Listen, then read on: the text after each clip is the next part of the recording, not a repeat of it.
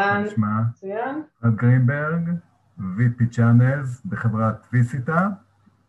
אני ואפרת מכירים הרבה מאוד שנים אחורה ממייקרוסופט, ואחר כך מעוד תחנות. אפרת, את מוזמנת להציג את עצמך? אז קודם כל תודה שהזמנת אותי. קצת, קצת עליי, אז, אז אני באמת יזמית בנשמה. הקמתי את אתר הסחר האלקטרוני הראשון בישראל, עבדתי בחברה של 60 עובדים, בשלושה סניפים, התחלה מול consumers, אחר כך מול SMB, קצת corporates. ב-12 שנים האחרונות אני עוסקת בעיקר בניהול צ'אנלים, שוב, גם ב corporates, גם ב startups, אז אנחנו כאמור מכירים ממייקרוסופט, שם ניהלתי קצת OEM Channels, אבל בעיקר את ערוץ ההפצה של ה-SMB. לאחר מכן עבדתי בסוכנות channel marketing גלובלי, עם 800 עובדים, שם הייתי העובדת הישראלית היחידה, ופרויקט הדגל שלי היה ייצור של pipeline של 100 מיליון יורו, של מוצרי ענן, באמצעות 400 שותפים עסקיים ב-12 מדינות במערב אירופה, גם שם התחלתי מאפס, בניתי צוות של 20 איש, שהיה מפוזר ברחבי אירופה, וניהלתי את ה-P&L של היחידה. ומאז אני עובדת במספר סטארט-אפים ישראלים, גם כן בפיתוח עסקי של מנועי צמיחה, בדגש על צ'אנלים ושותפים עסקיים, יותר בעולמות ה-Large Enterprises, זה MSPs ו-Global SIs, וכן ב industries, בעולמות ה telecom וה finance, שזה אומר עבודה עם telcos, עם בנקים, עם פינטקים, כשותפים עסקיים בארה"ב, באירופה, באסיה ובאפריקה, וככה לסכם, אז למעשה ההתמחות שלי היא בניית מנועי צמיחה שמבוססי צ'אנלים, ובשמם הנרדף שותפים עסקיים, שזה מה שאני הכי אוהבת לעשות, ובאמת בכל מקום שאליו הגעתי, בין אם כבר היה channel קיים, כמו מייקרוסופט, בין אם היה צריך לבנות הכל מאפס, בין אם מדובר בחומרה, בתוכנה, בענן, ב SaaS, עולמות של B2C, B2B, היום אני יותר עוסקת ב-B2B2C, וכן SMB ו-Large Enterprise, כל המקומות האלה הגעתי עם הרוח היזמית, באמת בניתי, יוצאתי לפועל והשבחתי את מנועי הצמיחה עם צ'אנלים. ומנוע הצמיחה זה הנושא שבגללו אנחנו התכנסנו כאן. בפרט אתה העורכת הראשונה שלי בפודקאסט מנועי צמיחה, תודה רבה לך על זה. בעצם אנחנו התכנסנו כדי לדבר על מנוע צמיחה מסוג מסוים, המנוע שבו את מתמקצעת, וזה מנוע הצ'אנלים. אז אני אשמח שככה תסבירי לנו בכלל מה זה, מה זה channel marketing. אז נתחיל באמת שההגדרה הרחבה ביותר ל channel, לשותפים עסקיים, וכאשר יש לנו צד שלישי שמעורב בתהליך המכירה, שהוא לא עובד שלנו, או פרילנס מטעם הארגון, ואני אתן כמה דוגמאות, אז הדוגמאות המפורסמות ביותר זה הריסלרים או ה-value-added resellers, שזה ארגונים שרוכשים מוצר או שירות מאיתנו, אנחנו בדרך כלל חברת המוצר, קרוי גם ISV, Independent Software Vendor, ומוכרים אותם הלאה ללקוחות, לעתים גם נותנים שירותים נוספים, דוגמאות נוספות לצ'אנלים זה אפילייט, שבה אנחנו משלם עמלה, בדרך כלל איזשהו אחוז מהמכירה לכל מי שמקדם את המוצרים שלנו, ולרוב זה ינוהל באמצעות איזשהו לינק שיאפשר לזהות מאיפה המכירה הגיעה. יש גם נותני שירותים שנקראים בשמות שונים, כמו MSP ו-CSP, שזה Managed Service Providers, ו-Cloud Service Providers או Solution, וזה כמובן מתקשר לעולם הענן, שבו ארגונים נותנים שירות כולל, לא רק מוצרים, אלא גם תמיכה ושירותים מנוהלים, הרבה פעמים זה מגיע כאיזשהו בנדל. יש את העולמות של ההפצה, את ה-Distributors וה-Value-Added Distributors, שזה מפיצים שמוכרים את המוצרים והשירותים שלנו לשותפים אחרים. בעולם הענן ניתן למנות מפיצים גלובליים כמו Ingram Micro ו-Also, שנותנים גישה באמצעות Cloud Marketplace לעשרות אלפי CSPs, MSPs ו-Value-Added Resellers. יש לנו את ה-System Integrators, שזה שותפים עסקיים שיודעים לקחת מספר מוצרים או שירותים, לעשות להם אינטגרציה לפתרון אחד, שבדרך כלל מלווה גם בשירות, יכול להיות Professional Service, יכול להיות Managed Service, ויש לנו את האג'נס, שהרבה פעמים זה סוכנים, משמשים כאיזה שהם מתווכים, שאין להם שום בעלות על המוצרים או השירותים שהם מוכרים, והם מקלים על עסקאות בין קונים ומוכרים ומסייעים בתהליך המשא ומתן. יש לי, יש לי אגב איזושהי הרגשה שבעצם כל אחד מה, מאיתנו ומהמאזינים שלנו אולי יוכל אפילו לחשוב על האופן שבו אפילו הוא עצמו או החברה שהוא עובד בה, עובד איתה, אה, משמשים כצ'אנל, משמשים כשותף באחד, מה, באחד מהמודלים, והמודלים באמת מגוונים. אני חושב שפשוט רוב, רוב האנשים לא, לא יודעים שה...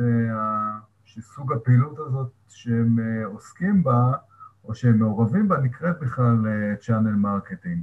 אני חושב שבאופן כללי יש, יש הרבה אי-הבנה לגבי, ה, לגבי הנושא הזה, אני חושב שאת גם אה, תסכימי לגבי זה. יש הרבה, הרבה אי-הבנה לגבי מה זה, מה זה, מה זה צ'אנלים ומה זה, תכף, תכף גם נגיע לזה, מה זה צ'אנלים ומה זה, ומה זה channel marketing, זאת אומרת, מה זה עבודה עם שותפים, מה זה שותפים ומה זה עבודה עם שותפים.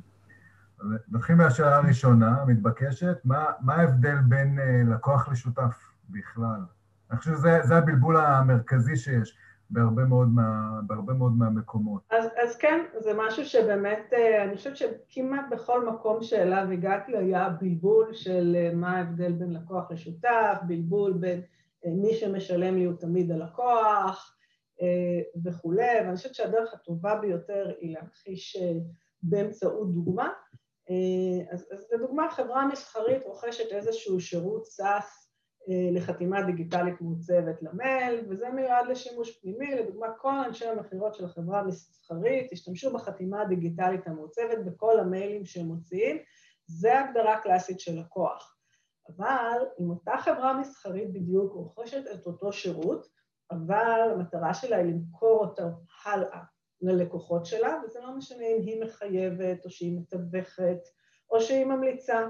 אה, זו הגדרה של שותף. אה, בשני המקרים החברה המסחרית רוכשת את אותו השירות, ובפעמים רבות היא גם תשלם עבור השירות. אה, ההבדל הוא מי המשתמש הסופי במוצר. אם המשת... המשתמש הסופי הוא הלקוח, ואילו השותף זה כל מי שמעורב בתהליך. כלומר, אם, ה... אם המשתמש הסופי, לא משנה מאיפה מגיע הכסף, זאת הכסף יכול להיות, אם אני הוונדור, אני היצרן של השירות, של, ה...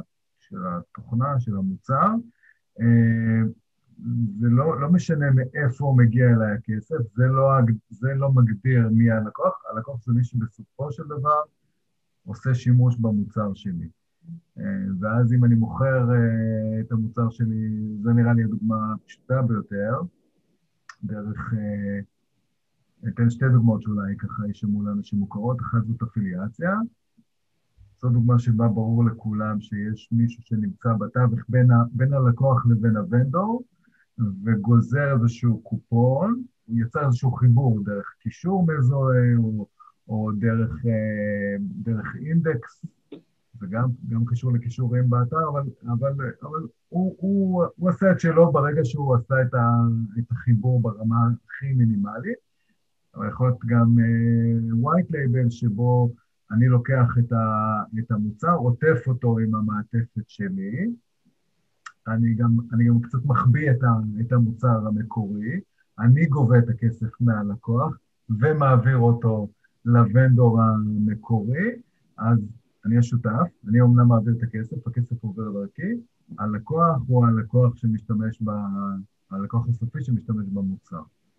נכון מאוד, ובין לבין יש עוד הרבה מודלים שבהם השותף מעורב יותר או פחות, לפעמים הוא נותן את השירות לאחר המכירה, לפעמים הוא לא נותן, לפעמים הוא המשלם, לפעמים הלקוח הסופי משלם ישירות, יש הרבה מודלים, אבל השאלה, הלקוח הסופי הוא זה שבסוף משתמש אה, במוצר, והשותף הוא זה שמעורב בצורה זו או אחרת בתהליך המכירה לאותו אה, משתמש סופי. עכשיו נשאל את השאלה, יפה, למדנו מה זה channel, למדנו שיש את הדבר הזה שנקרא channel marketing, למדנו מה זה, מה זה channel לעומת אה, מודלים אחרים ולעומת אה, לקוח אה, משלם רגיל, נקרא לזה. עכשיו נשאל את השאלה, למה, למה בכלל צריך? למה בכלל צריך channel uh, marketing? למה צריך בכלל שותפים? למה זה טוב. אני יכול, אני vendor, אני, יש לי מוצר, אני יכול פשוט ללכת לשוק ולמכור אותו. נכון. התשובה הקצרה היא למה צריך channelים, היא שמדובר בדרך היעילה ביותר להשיג נתח שוק אה, באופן אפקטיבי, וכאן אה, נחדד את ההבדל בין יעיל לאפקטיבי. אה, אז יעיל מתקשר לדרך הפעולה, להשקיע מינימום משאבים בשביל להגיע לתוצאה הרצויה, ואפקטיבי מתקשר לתוצאה, שזה באמת להשיג את התוצאה הרצויה, ופה אני חייבת לפתוח כוכבית, וזה מאוד מתקשר להערה שלך. השימוש בצ'אנלים הוא לא רלוונטי תמיד ולכולם. אז לדוגמה, חברה שמוכרת מוצר או שירות, נניח ללקוחות פורצ'ן uh, 500, uh, המצע שאני הייתי ממליצה להם הייתה לגייס איזשהו איש מכירות מנוסה, שכבר מכר לקהל הזה, ובמקרה הזה הם יוכלו באמת להשיג נתח שוק באופן יעיל ואפקטיבי uh, באמצעות מכירה ישירה, שמאפשרת קשר ישיר מול הלקוח הסופי, שליטה על תהליך המכירה, וכמובן כדאיות כלכלית, שבה כל הרווח אה, אה, הולך אלינו, תוך הצגת ROI חיובי, אה, כי Fortune 500 זה באמת אה, לקוחות enterprise אה, גדולים, מה שאומר שעסקאות הרבה פעמים יהיו אה, בעלות אה, ממוצע לעסקה, אה, בעולמות הענן שהוא אה, גבוה. אה, אז מתי זה, זה כן יותר רלוונטי? אה, כאשר המוצר או השירות מופנים לקהל אה, SMB. אז איך מסתכלים על ארה"ב לבדה, יש 30 מיליון עסקים קטנים אה, ובינוניים, ועדיין אפשר לתפוס נתח שוק באמצעות מכירה ישירה, זה לא שאי אפשר, אפשר לעשות את זה באמצעות דיגיטליים, באמצעים דיגיטליים שמאפשרים אוטומציה, אפשר לעשות את זה באמצעות מערך של אנשי מכירות, אפשר כמובן לעשות את זה בצורה משולבת, אבל היחס של העלות תועלת אה, יהיה אה, הרבה הרבה יותר נמוך, אה, לעומת השימוש בשותפים עסקיים, הקהל היעד, ובמיוחד כאשר מדובר במוצר בעלות נמוכה או שנדרש אה, אה, ליווי אנושי. ושוב, אני אתן כמה דוגמאות. אז, אז העלות של מכירת מוצר, או, או שזה הבסיס בעצם, או שירות נוסף ללקוח קיים, קטנה בהרבה מגיוס לקוח חדש מאפס, וזה המקום בו שותפים עסקיים המוכרים לקהל היעד מוצרים נוספים, יכולים להביא את המוצר או השירות שלנו בצורה יעילה ואפקטיבית לקהל היעד. הרבה פעמים הם נתפסים כ-trusted advisor עם relationship אה, למקבלי ההחלטות, במיוחד כאשר מוכרים סל שירותים נרחב ורלוונטי, ולא רק מוצר אחד. ואילו כשאנחנו מוכרים באופן ישיר, אנחנו סלר, ואנחנו צריכים למעשה להתחיל מאפס, לפלס את דרכנו עד שנגיע לארגון והוא האדם הרלוונטי, נצטרך לבנות טראסט, נצטרך לנהל אה, תהליך מכירה, וכל ה-time to market שלנו יהיה הרבה יותר ארוך. וכפי שציינו פעמים רבות, זה גם לא כלכלי, זה מייצר ROI שלילי באופן אה, לא אפקטיבי אה, ולא יעיל. למעשה, העבודה עם צ'אנלים מאפשרת מכירה בסקייל גבוה, תוך ניצול כוח המכירות וקהל הלקוחות של השותף העסקי. עכשיו, זה כמובן אומר שבאמצעות הסקל, בעקבות הסקל, אנחנו גם ניתן לשותפים העסקיים מחירים זולים יותר, כי גם הם צריכים להרוויח בדרך, אולם בחישוב ROI, הגעה לאותו קהל היעד על כל עלויות המכירה והשיווק הכרוכות בכך, בשורה התחתונה, ה-ROI בעבודה עם שותפים עסקיים גבוה משמעותית אה, אה, מזה של מכירה ישירה. אה, יש על זה אין ספור מחקרים, וזאת הסיבה שחברות רבות בעולם התוכנה והענן בוחרות באסטרטגיה של שותפים עסקיים. כך לדוגמה מייקרוסופט, ששנינו עבדנו בה, מתגאה במשך שנים, ש-95% מהרבניו שלה מגיע דרך שותפים עסקיים. חטיבת הענן של גוגל גייסה מנכ"ל חדש שהגיע מ-SAP לפני כשנה וחצי, אה, והוא הצהיר באפריל 2020 על שינוי אסטרטגיה לפיה גוגל קלאוד תעבור ל-100% partner attachment בכל עסקה, אה, ולפי הציטוט שלו, אפילו ה brand והזרוע הפיננסית החזקה של גוגל לא יכולים להוות תחליף לכוח שהשותפים העסקיים וה channelים מביאים, שזה הגישה ללקוחות ובעיקר ה-relationship. אמ, ופה אני חייבת... אגב, שאלה, כן. הנתון הזה לגבי מייקרוסופט עוד אה, רלוונטי? זאת אומרת, זה עדיין, ה... זה עדיין היחס? כן, כן, גם בשנה האחרונה זה, זה היחס, והיום יש כבר תוכניות שותפים כמו קוסל, שהן מאוד מתקדמות. אה, וגם במייקרוסופט אה, מאוד מאוד מכוונים אה, לעבודה דרך שותפים, יודעים להראות שה-ARPU הוא יותר גבוה, שה-churn יותר נמוך, ושה-ROI לאורך זמן הרבה הרבה יותר טוב. טוב, אותך עוד רגע אחת לגבי מייקרוסופט, נוח לי ככה ללכת למקום הזה. את אמרת שותפים הם ערוץ יעיל, בעיקר כשמדובר בערוץ רוחב, אנחנו השתמשנו הרבה במילה הזאת במייקרוסופט, זאת אומרת, כשאנחנו מוכרים לעסקים קטנים, לעסקים בינוניים, במקום שבו רוב השוק נמצא, קשה לייצר אה, פריסת רגל רחבה, זה עולה הרבה מאוד כסף להגיע אה, לכל, ה, לכל העסקים האלה, קשה מאוד, יקר מאוד לייצר איתם אה, מעורבות, ואז השותפים, זה יכול להיות, זה מהעולמות של מייקרוסופט, זה יכול להיות uh, מחברות אינטגרציה גדולות ועד uh, אינטגרטורים או אפילו חנויות uh, שכונתיות כאלה של ציוד מחשוב, הם אלה ש, ש, שמחברים את מייקרוסופט הגדולה ל, ללקוח הקצה. אבל אני זוכר עוד דבר, ואמרת שד, שבמקום שבו מייצרים מכירות enterprise, או מה שנהוג לקרוא לו מכירות ווייז, זה פחות נהוג להשתמש בשותפים, אבל לדעתי גם, מייקרוסופט גם בעולמות האלה משתמשת בשותפים, לא? נכון, כשאנחנו, כשמייקרוסופט מדברת על 95% מה revenue, היא מדברת גם על שוק ה enterprise, אה, אבל שם יש גם account managers אה, במודל של one to few שמנהלים את הלקוח באופן ישיר, אה, ופה נכנס בין השאר ה co-sell, שהם עובדים ביחד עם הפרטנר, אבל הם עדיין פונים ישירות ללקוחות הסופיים. אגב, במודל, אה, במודל channel marketing רוחב, גם התמיכה בלקוח נמצאת אצל ה channel? זה נורא תלוי, תלוי אה, אה, בחלק מהמקומות כן, בחלק מהמקומות פחות, זה נורא תלוי במותג, זה תלוי המוצר הוא עתיר שירות, הוא לא עתיר שירות, אז זה מאוד מאוד משתנה. ופה זה המקום גם לדבר על זה של channelים יש גם קצת אה, חסרונות, לא, לא הכל ורוד, אה, ובאמת הבולט שבהם זה אובדן השליטה אה, על תהליך המכירה למול הלקוחות הסופיים. לשותף העסקי, לצ'אנל יש אג'נדה משלו, יש לו יעדים עסקיים משלו, ויש לו אסטרטגיה משלו. ובמקרים קיצוניים יכולה אפילו להיות פגיעה בברנד כתוצאה מהפעילות של השותף העסקי, לדוגמה, מתן שירות גרוע, הזכרת את הנושא של השירות, או חיבור לערכים שלא תואמים אה, לערכים שלנו אה, כחברת מוצר. אה, בעיקר, ופה... בעיקר אגרסיביות בפנייה ללקוח. זו דוגמה, אבל קרו גם מקרים שקשורים במדינות אחרות, בתרבויות אחרות, ואולי לפעמים זה אינדיבידואלי, לפעמים זה תרבותי.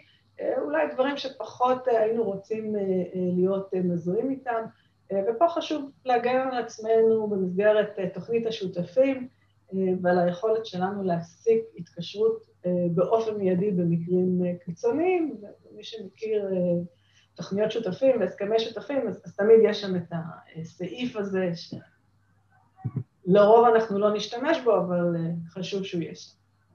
מה, מה הסעיף הזה? הסעיף שמאפשר לנו בעצם אה, להגן על עצמנו ועל היכולת שלנו להפסיק את ההתקשרות עם שותף עסקי באופן מיידי אה, במקרי קיצון. אוקיי. אוקיי, אז דיברנו על, אה, הזכרנו, למדנו מה זה channel marketing, דיברנו על, על vendorים כמו מייקרוסופט וכמו גוגל, בואו בוא נדבר על, בוא על, על סטארט-אפים. סטארט-אפים שעכשיו אה, מתחילים, יוצאים לדרך, רוצים לכבוש את השוק. לא תמיד, לא תמיד הם חושבים על הערוץ הזה בתור ערוץ אה, רלוונטי. אלה שכן, אה, אני מודה שגם אני הרבה פעמים חוטא בזה, אני רואה בזה איזשהו ערוץ של קיצור דרך. זאת אומרת, אני אומר, אני סטארט-אפ, או הלקוח שלי הוא סטארט-אפ, אין עדיין את המשאבים להגיע לשוק, צ'אנל, שותף, שותפים, יכולים להביא אותו ללקוחות, לקצר את ה-time to, to being a trusted advisor, שמאוד מאוד חשוב במכירות, במיוחד של מוצרים חדשניים. ואז אני רוצה לשאול אותך, סטארט-אפ, שעכשיו רוצה להיכנס לעולם הזה, מה הוא צריך, מה הוא צריך לעשות? אז בתור רשת channelים, ההצעה הטובה ביותר היא קודם כל למכור direct. קודם כל לוודא שיש product market fit. לא, לא לקפוץ, לא לקפוץ לחפש לא שותפים. קודם כל לוודא שיש product market fit, קודם כל לקבל פידבק ישיר אה, מהלקוחות על, על איזושהי גרסת MVP, לעשות success stories, ורק אחרי שאנחנו יודעים למכור את המוצר, את הערך שלו, לטפל בהתנגדויות, נדע ללמד אחרים איך לעשות את זה. צריך לזכור ששותפים עסקיים לא ימכרו רק את המוצר שלנו, הם ימכרו מוצרים נוספים, אנחנו ה-Trusted Advisor שלהם, ואנחנו חייבים להיות מסוגלים ללמד אותם ולעזור להם למכור, יכול להיות שבהתחלה אנחנו נמכור ביחד איתם, אבל חייבים קודם כל את הניסיון למול הלקוחות הסופיים, קטנים, גדולים, בינוניים, לפני שהולכים לצ'אנלים. אז זה אומר, זה אומר שצ'אנל, שותף, גם אם הוא שותף חזק, לא יכול לחפות על בעיות במוצר, על לייצר את הסיפור של המוצר. אי אפשר, אי אפשר להוציא לדרך, גם שותף חזק, אי אפשר להוציא לדרך בלי כל הדברים האלה. אגב, ואם אני ככה מתרגם את מה שאת אמרת לשפה קצת יותר בוטה, לגייס שותף זה דבר אחד, לגרום לו אה, לחשוב עליי ולשים אותי בראש סדר העדיפויות, זה מאמץ נוסף. בגלל נכון. שיש לו, אה, יש לו ונדורים אחרים שהוא מייצג, ויכול להיות שחלקם קל לו יותר למכור, או שמשתלם לו יותר למכור, ואז, אה, ואז יש לי פה איזשהו מאמץ אחרי שגייסתי שותף, גם לוודא שהוא משווק ומוכר אותי. חד משמעית. אז, אז איך מתחילים? איך נראית, איך, איך נראית תוכנית שאנלים? אז בשלב הראשון זה קצת דומה למה שאנחנו עושים מול לקוחות סופיים, וכמו שאנחנו מגדירים ideal customer profile, צריך להגדיר ideal partner profile. רק שהטוויסט פה זה להבין איפה אנחנו מתממשקים לפעילות שלהם מול הלקוחות שלהם. האם אנחנו פונים לאותו קהל יעד? האם הם עובדים במודל של שותפים עסקיים ומציעים ללקוחות שלהם מוצרים נוספים אה, מעבר למוצרים שלהם? אני למשל היום עוסקת בתחום הפיננסים, ויש פינטקים שפונים לאותו קהל יעד, אבל הם מציעים רק את השירות שלהם, הם לא מציעים אף שירות אחר, ולכן להם יהיה יותר קשה אה, למכור את המוצר שלי. האם אנחנו משלימים אותם, או שאולי אנחנו מתחרים בשותפים אחרים שהם עובדים איתם? האם מודל העבודה שלנו, שלהם דומה לשלנו? האם יש להם את הריסורסס המתאימים למכור את המוצר שלנו, שזה אנשים וזמן ותקציבים, כל אלה ישפיעו על סיכויי ההצלחה שלהם כצ'אנל, וזה איזושהי עבודת אה, אה, מחקר קצרה אה, שאנחנו עושים, בדומה ל-ideal customer profile, אנחנו בונים את ה-ideal partner profile בשביל שנדע למי אנחנו צריכים לפנות אה, ומה הם ה-qualification קריטריה בשביל למצוא פרטנר כזה. אגב, אחרי שמגדירים מי הוא ה-ideal partner, יש דרך לייצר רשימה מובנית מראש של שותפים פוטנציאליים שאפשר לפנות אליהם?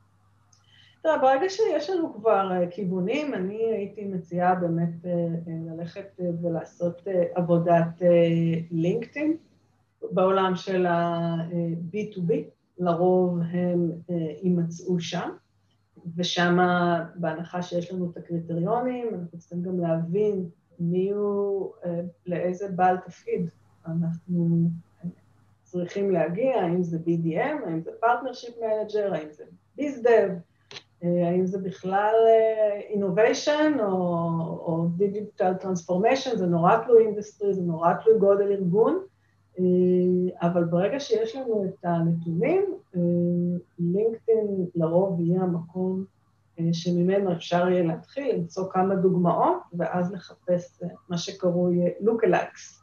Mm-hmm. אגב, סביר להניח שסטארט-אפ בתחילת דרכו ירצה לדבר עם, אה, עם מי שקשורים ל innovation, או שאני טועה. זה, זה שוב, זה נורא נורא תלוי, אם הסטארט-אפ הוא בעולם ה security, אולי הוא דווקא ירצה CISO. Mm-hmm. ואם סטארט-אפ אה, הוא, הוא דווקא פונה לעולמות ה-IT, מבחינת המוצר, אז אולי הוא צריך IT manager או שהוא צריך CIO. הבנתי. אוקיי, אה, בסדר גמור. ואז הגדרנו את ה-ideal partner profile, אפילו התחלנו לעשות חיפוש לקראת גיוס של שותפים פוטנציאליים. מה, מה הדבר הבא? הדבר הבא הוא באמת, יש לנו את uh, משולש ה channel, uh, שמחלק את סוגי ה channel לפי כמות ה business שהם יכולים להביא לנו, uh, כאשר עקרון ה-80-20 עובד גם כאן. 20 אחוז מהצ'אנלים יביאו 80 אחוז מה business. לרוב המשולש הזה מחולק לשלוש.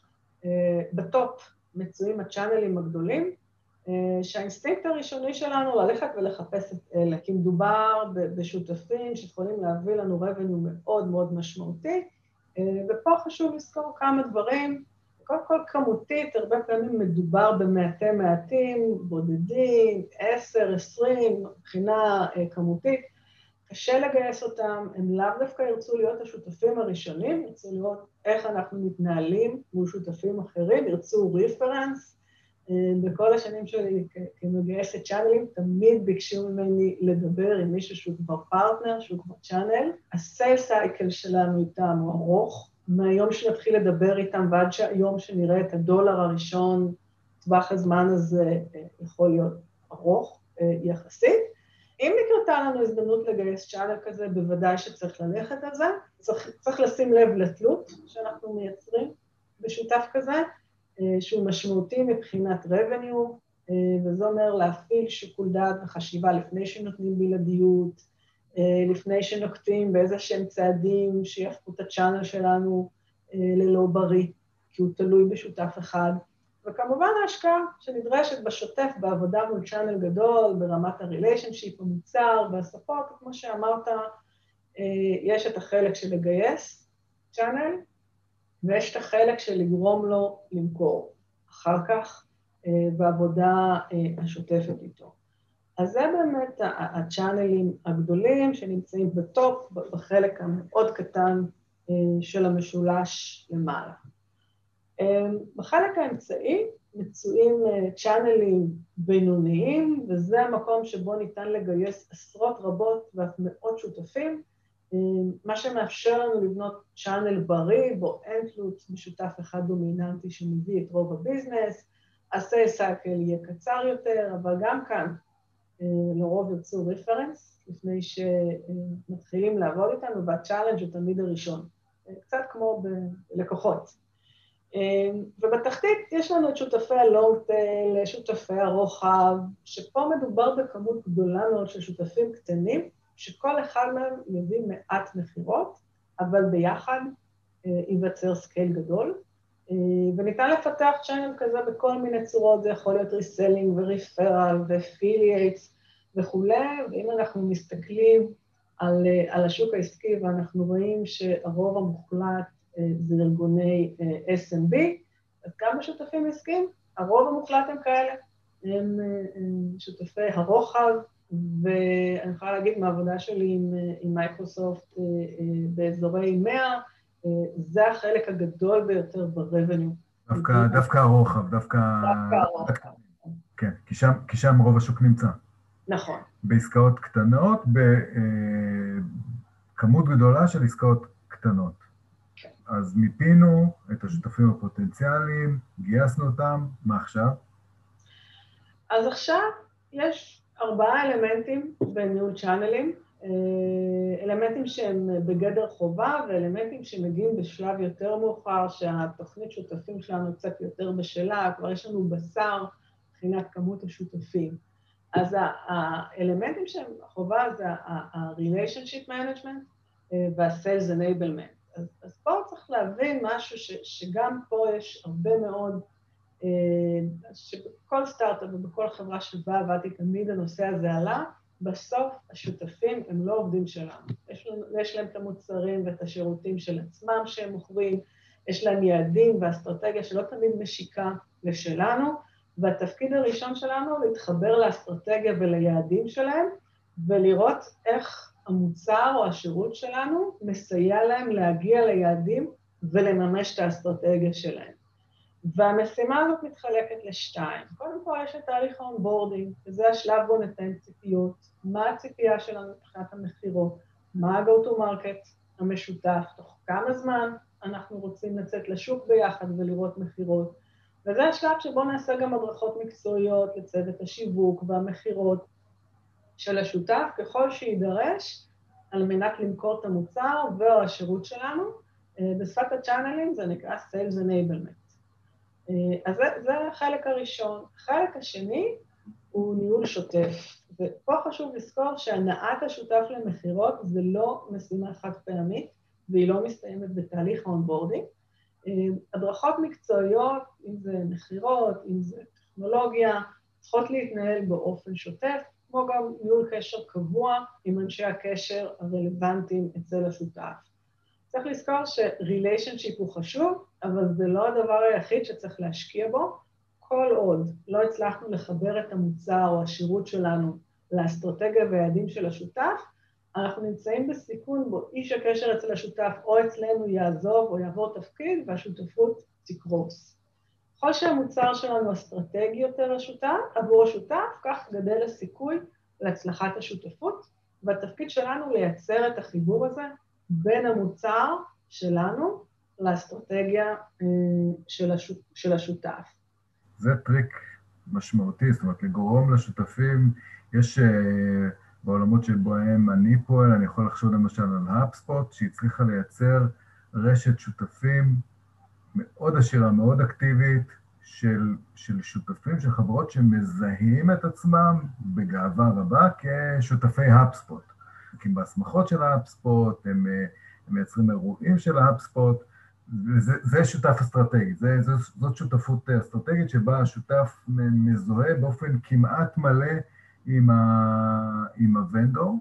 איך מייצרים סתם על רגל אחת? ברור ש, שאי אפשר לפצח את זה בכמה דקות המעטות שיש לנו, אבל איך, איך מייצרים? סתם, אה, אם, אם את יכולה ככה, אני קצת מתקיל אותך. איך, איך מייצרים כזאת, אה, כזאת, כזה חיבור אסטרטגי וחזק עם אה, שותפים? תראה, צריך לזכור שלאספוט יש ברנד חזק, ולרוב במערכת השותפות בין אספוט לבין הפרטנרים של ההאבספוט הוא הגוף היותר מוכר ויותר חזק. כשאנחנו באים כסטארט-אפ זה בדרך כלל הפוך. אה, ולכן החלק שבו אני הייתי משקיעה זה לראות איפה אנחנו מביאים ערך, איפה אנחנו מסייעים להם אה, לקדם את ה-core business שלהם. לא תמיד המוצר שלנו הוא, הוא מאוד מאוד רווחי או מאוד מאוד קל למכירה, אבל הרבה פעמים הוא יכול לייצר עבורם איזשהו ערך, אם זה יתרון תחרותי. יכול להיות, רגע, אני רוצה, זה מעניין, יכול להיות מצב שבו סטארט-אפ ללא ברנד יהפוך להיות אסטרטגי עבור שותפים? כן, בהחלט. בהחלט, אם אוקיי. הוא בא ונותן פתרון אה, שמאפשר אה, אה, לשותף להגדיל מכירות, להקטין צ'ר, לייצר איזשהו יתרון תחרותי, להגדיל, להיות enabler למוצר או לשירות, לחבר את הלקוחות, לייצר stickiness, יש המון המון ערכים שהסטארט-אפ יכול להביא, אבל שוב צריך, האתגר הוא לא ליפול רק ב relationship, אני ואתה חברים, אז אנחנו עושים עסקים ביחד, זה נורא רוצה לעזור לי להצליח, אה, זה לא מספיק. אה, בטח לא כשאנחנו מדברים בעולמות ה mid market וה enterprise, שיש מעגל קבלת החלטות שהוא יותר מבן אדם אחד, או חמישה ושבעה ועשרה אנשים, זה לא מספיק רק להגיע לבן אדם אחד ולקבל את הביין שלו, צריך אנשים מתחתיו ומעליו ומצדדיו, ואת זה עושים על ידי חיבור אה, לאסטרטגיה ולביזנס. אוקיי, מה השלב הבא?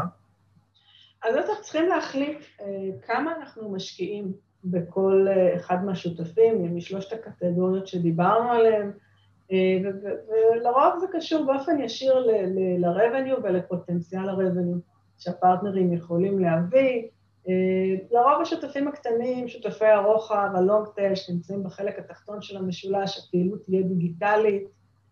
ברגע שנגיע לאיזשהו scale מסוים, נביא מנהל שותפים, שיהיה אחראי טריטוריה, יעשה פעילויות רוחביות שקשורות ל-enablement, relationship פחות אחד על אחד, אלא אם כן יש עסקה ספציפית שדורשת התערבות.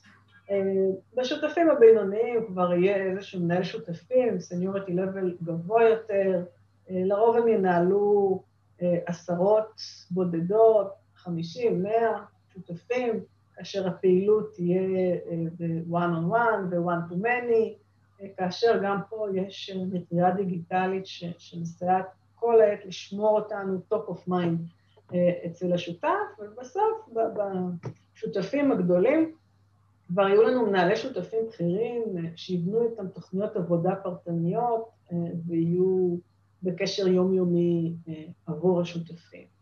אז אלה באמת שני הדברים שהם ה-prerequisites וה-must-haves של תוכנית צ'אנלים, שזה ניהול ה-relationship השוטף, לשמור אותנו top of mind, וה-sales enablement, ללמד אותם ולעזור להם למכור את המוצר או את השירות שלנו. בנוסף לשני אלה, יש את השני אלמנטים הנוספים שהזכרתי אותם, שמגיעים בדרך כלל בשלב מאוחר יותר, שהצ'אנל הוא כבר יותר בשל.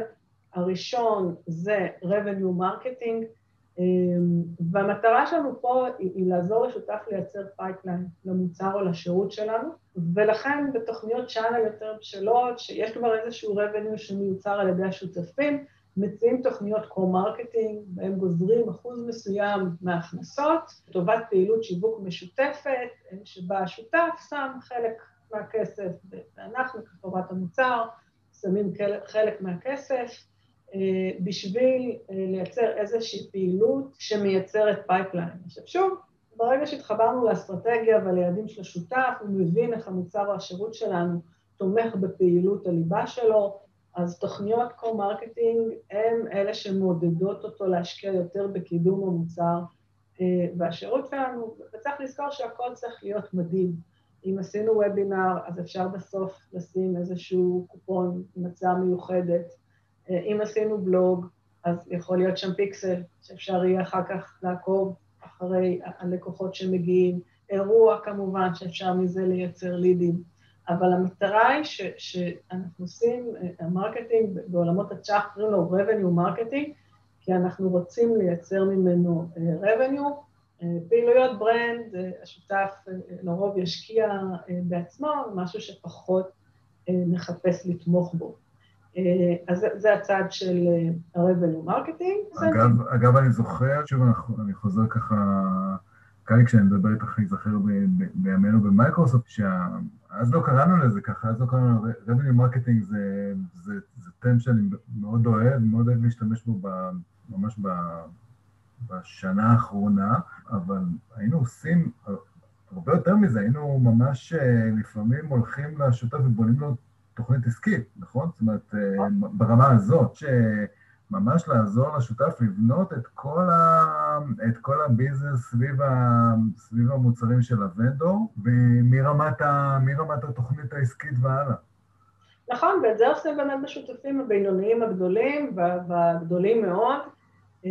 בונים איתם תוכניות עסקיות, כאשר revenue marketing זה חלק מהותי, והרבה פעמים זה אינטרס שלנו להשקיע ולגרום להשקעה גם מצד השותף, בשביל באמת לייצר revenue, וצריך שוב לשים לב שהכל מחובר ל-revenue. אני זוכרת בתחילת דרכי במייקרוסופט, אחר כך גם עבדתי בסוכנות שיווק שמתמחה בדיוק בעולמות האלה, הכספים האלה ישמשו לטובת פעילות brand, עטים עם לוגו וחולצות עם לוגו, swag וכל מיני דברים, ש...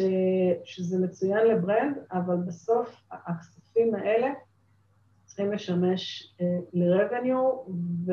ולייצר עוד business, גם ל vendor וגם לשותף העסקי. אז בואו בוא נסכם את מה, ש... מה שלמדנו עד עכשיו. אז באמת, בשביל לסכם, צריך לזכור את, ה, את הבסיס. השותפים הם לא עובדים שלנו, יש להם אסטרטגיה ויעדים משלהם. התפקיד שלנו כחברת מוצר הוא להתחבר לאסטרטגיה וליעדים האלה ולשכנע אותם ששת"פ איתנו יסייע להם בהגעה ליעדים ומימוש האסטרטגיה שלהם. יצירת ריליישנשיפ טוב וניהולו השוטף הם תנאי סף לשותפות מוצלחת, אבל זה לא עומד בזכות עצמו, שוב, בלי חיבור לאסטרטגיה וליעדים של השותף. בסוף היום כל ארגון עסקי רוצה להגדיל את המכירות ולהשיא ערך לבעלי המניות.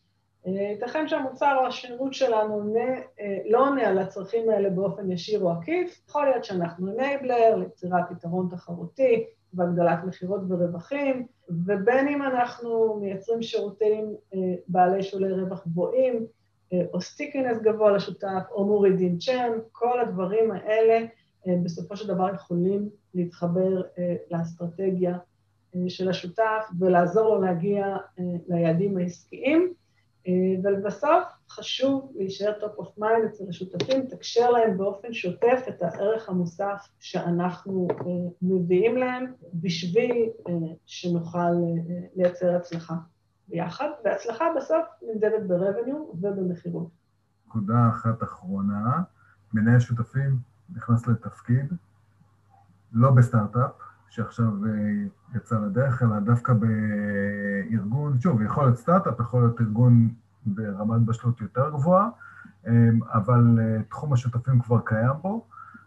טיפים, טיפים למי שנכנס לתפקיד ורוצה לייצר אימפקט כמה שיותר מהר. אז, אז באמת יש כבר לא מעט ארגונים שיש להם תוכנית צ'אנלים, ואני הייתי מציעה להתחיל במודל 30-60-90. 30 ימים הראשונים נחלק את החודש הראשון ללמידה, לביזנס, אנשים וצ'אנל, אז כמובן בצד הביזנס צריך להבין את המוצר, וכיצד הוא ממוצב בשוק, ומה ה-go-to-market של החברה, כל נהלי העבודה, voice of the customer, לא מספיק לשמוע על המוצר והחברה מהקולגות, חשוב להקשיב גם לשיחות מכירה, יכולות להיות מוקלטות כמובן, ולשמוע איך זה נשמע ומה התגובה של הלקוחות, להכיר את הצוות, בעלי העניין, ובצד של הצ'אנל באמת להבין איזה תוכנית צ'אנל קיימת, מה הפרופיל הפרטנר האידיאלי בהנחה שיש כזה, מהם יעדי הצ'אנל בטווח הקצר, הבינוני והארוך, וכמובן דאטה, איך נראה pipeline, מה הממוצע לעסקה, מה sales cycle, מי הם השותפים, בעלי הביצועים הטובים יותר, מי אלה שדורשים שיפור וכולי. אז זה באמת ה-30 יום הראשונים שהם יותר אה, אה, למידה. אה, בחודש השני אנחנו ממשיכים בלמידה באותו פורמט של business, אנשים ו channel, אבל אנחנו מתחילים לייצר relationship עם אנשי הצוות, בעלי העניין השונים והשותפים העסקיים, וגם פה נחלק את הפעילויות החדשות לשתיים, אז קודם כל נתחיל להכיר את השותפים העסקיים, מטרה היא באמת לשמוע איך הם רואים את הריליישנשיפ, מה לדעתם צריך לעשות בשביל למכור יותר, ואני הרבה פעמים שואלת שאלות פתוחות, אני לא מניחה הנחות, אני לא באה ואומרת, שמעתי שאתם ככה וככה וככה, אלא אני יותר באה... זה תמיד טוב. אני תמיד באה לשמוע, וזה לא מספיק להיפגש רק עם השותפים המצליחים, חשוב להיפגש גם עם אלה שפחות מצליחים, לשמוע את התובנות שלהם לגבי הסיבות, מה אפשר לעשות. תמיד יש את השותפים האלה שעל הנייר, היה להם את כל הסיבות להצליח, מאיזושהי סיבה זה לא מצליח, צריך לנסות להבין למה, יכול להיות שזה המקום שבו אפשר להביא הרבה ערך. לפעמים בא מישהו עם מה שנקרא לוח חלק, ויכול לבוא עם חשיבה אחרת. ובמקביל, באמת יש לבצע אנליזה של ביצועי ה channel ובניית אסטרטגיה, להבין מה הם החוזקות, מה הם החולשות, מה ה-coverage של ה channel היום, טריטוריות, industries, מה הקריטריון ל qualification של שותפים, אילו משאבים ואסטרטגיות ואינסנטיבים והדרכות יכולים להגדיל את יעילות ה channel וכולי. אנחנו מגיעים כבר לסוף, סוף שהוא ההתחלה. החודש השלישי אנחנו ממשיכים ללמוד, אבל אנחנו כבר מתחילים להתמקד יותר בעשייה השוטפת, תוך מיקוד בשני נושאים, שזה יישום תוכניות שבהן ניתן להראות מה שאנחנו קוראים demonstratable progress, כלומר, לייצר איזשהו quick wins, שמצד אחד יכולים לדלבר שיפור מיידי, אבל גם תומכים ביעדים ארוכי הטווח של ה channel.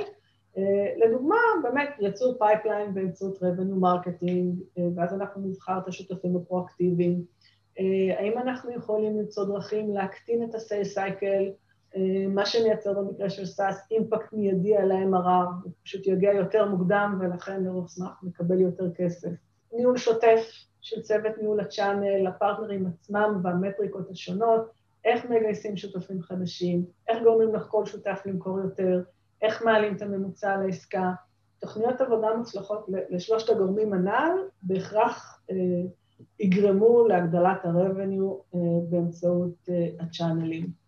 באמת, לסכם, החודש השלישי כבר דומה יותר לעבודה השוטפת עם הצ'אנלים, אה, בה מתקיימת הקשבה מתמדת לצרכים של הפרטנר, תוך תיאום ציפיות עסקי ומוצרי, אה, תקשור תמידי על אה, כיווני התפתחות וסנכרון מתמיד. וארגונים רבים מתייחסים לצ'אנלים כעל extension of the team, וזה נכון. כל עוד זוכרים שהם לא על הפיירול שלנו, שיש להם רצונות, אסטרטגיה ויעדים משלהם, וביום שלא נדע לתת להם ערך, הם עלולים להפסיק ולקדם את המוצר או השירות שלנו, ואף לעזוב עם הלקוחות למתחרים. אני, אני אוסיף עוד משהו, אני חושב שמעבר לערך, יש גם, יש גם עניין של uh, כיף, נכון? יש, uh, יש, uh, יש חלק ב, במערכת היחסים הזאת עם, uh, עם שותפים שקשורה גם ל, ל, ל, לרגש. שצריך uh, לייצר uh, התלהבות אצל לקוחות, צריך לייצר התלהבות גם אצל, uh, אצל שותפים. אני יודע שגם את התעסקת בזה בעבר לא מעט, וזה החלק הכיפי, האמת, של... והיצירתי. יש, יש בעולם, אנחנו ככה התמקדנו בחלקים היותר אה, מבניים או אנליטיים של, ה, של הדבר הזה שנקרא channel marketing, אבל יש בעולם הזה גם עולם כיפי של קריאיטיב ושל excitement, הם קוראים לזה כן, במייקרוסופט. חד משמעית, לא, לא דיברנו על זה הרבה, יש עוד, אני חושבת, הזדמנות לפרק נוסף. לא, לגמרי, לגמרי, לא דיברנו על זה, לא דיברנו על קריאיטיב בעולם של שותפים, לא דיברנו על... Uh, לא דיברנו על market אה, places, שזה דבר שממש צריך להתעכב עליו לבד, לא דיברנו על פלטפורמות שהן אחרות אה, לצד marketplaces שמחברות בין, אה, בין ונדורים לבין לקוחות. כן, יש, יש עוד הרבה, יש עוד הרבה דברים. סתם, פשוט בראש קופצות לי כל ה... קופצים לי כל, ה, כל האירועי שותפים למיניהם וכן. מה שצריך לזכור זה שזה אחד קשור בשני. ה incentive הוא לא עומד בזכות עצמו, ה relationship לא עומד בזכות עצמו, ה revenue marketing לא עומד בזכות עצמו. כשעושים את כל הדברים האלה ביחד, כשעושים אותם טוב, זה המקום שהם אה, מתניעים אחד את השני, שהם מחזקים אחד את השני, ובסוף האחד ועוד אחד ועוד אחד זה לא שלוש, אלא חמש. יפה. אפרת, המון המון המון תודה. זה היה מרתק. קיבלנו הצצה, אנחנו נראה אם נעשה עוד, עוד סשן כזה, כדי להמשיך את הדברים שעוד לא הספקנו לגעת בהם, וזהו, המון תודה. מאוד. תודה שהזמנת אותי. תודה רבה, להתראות, להשתמע. להשתמע.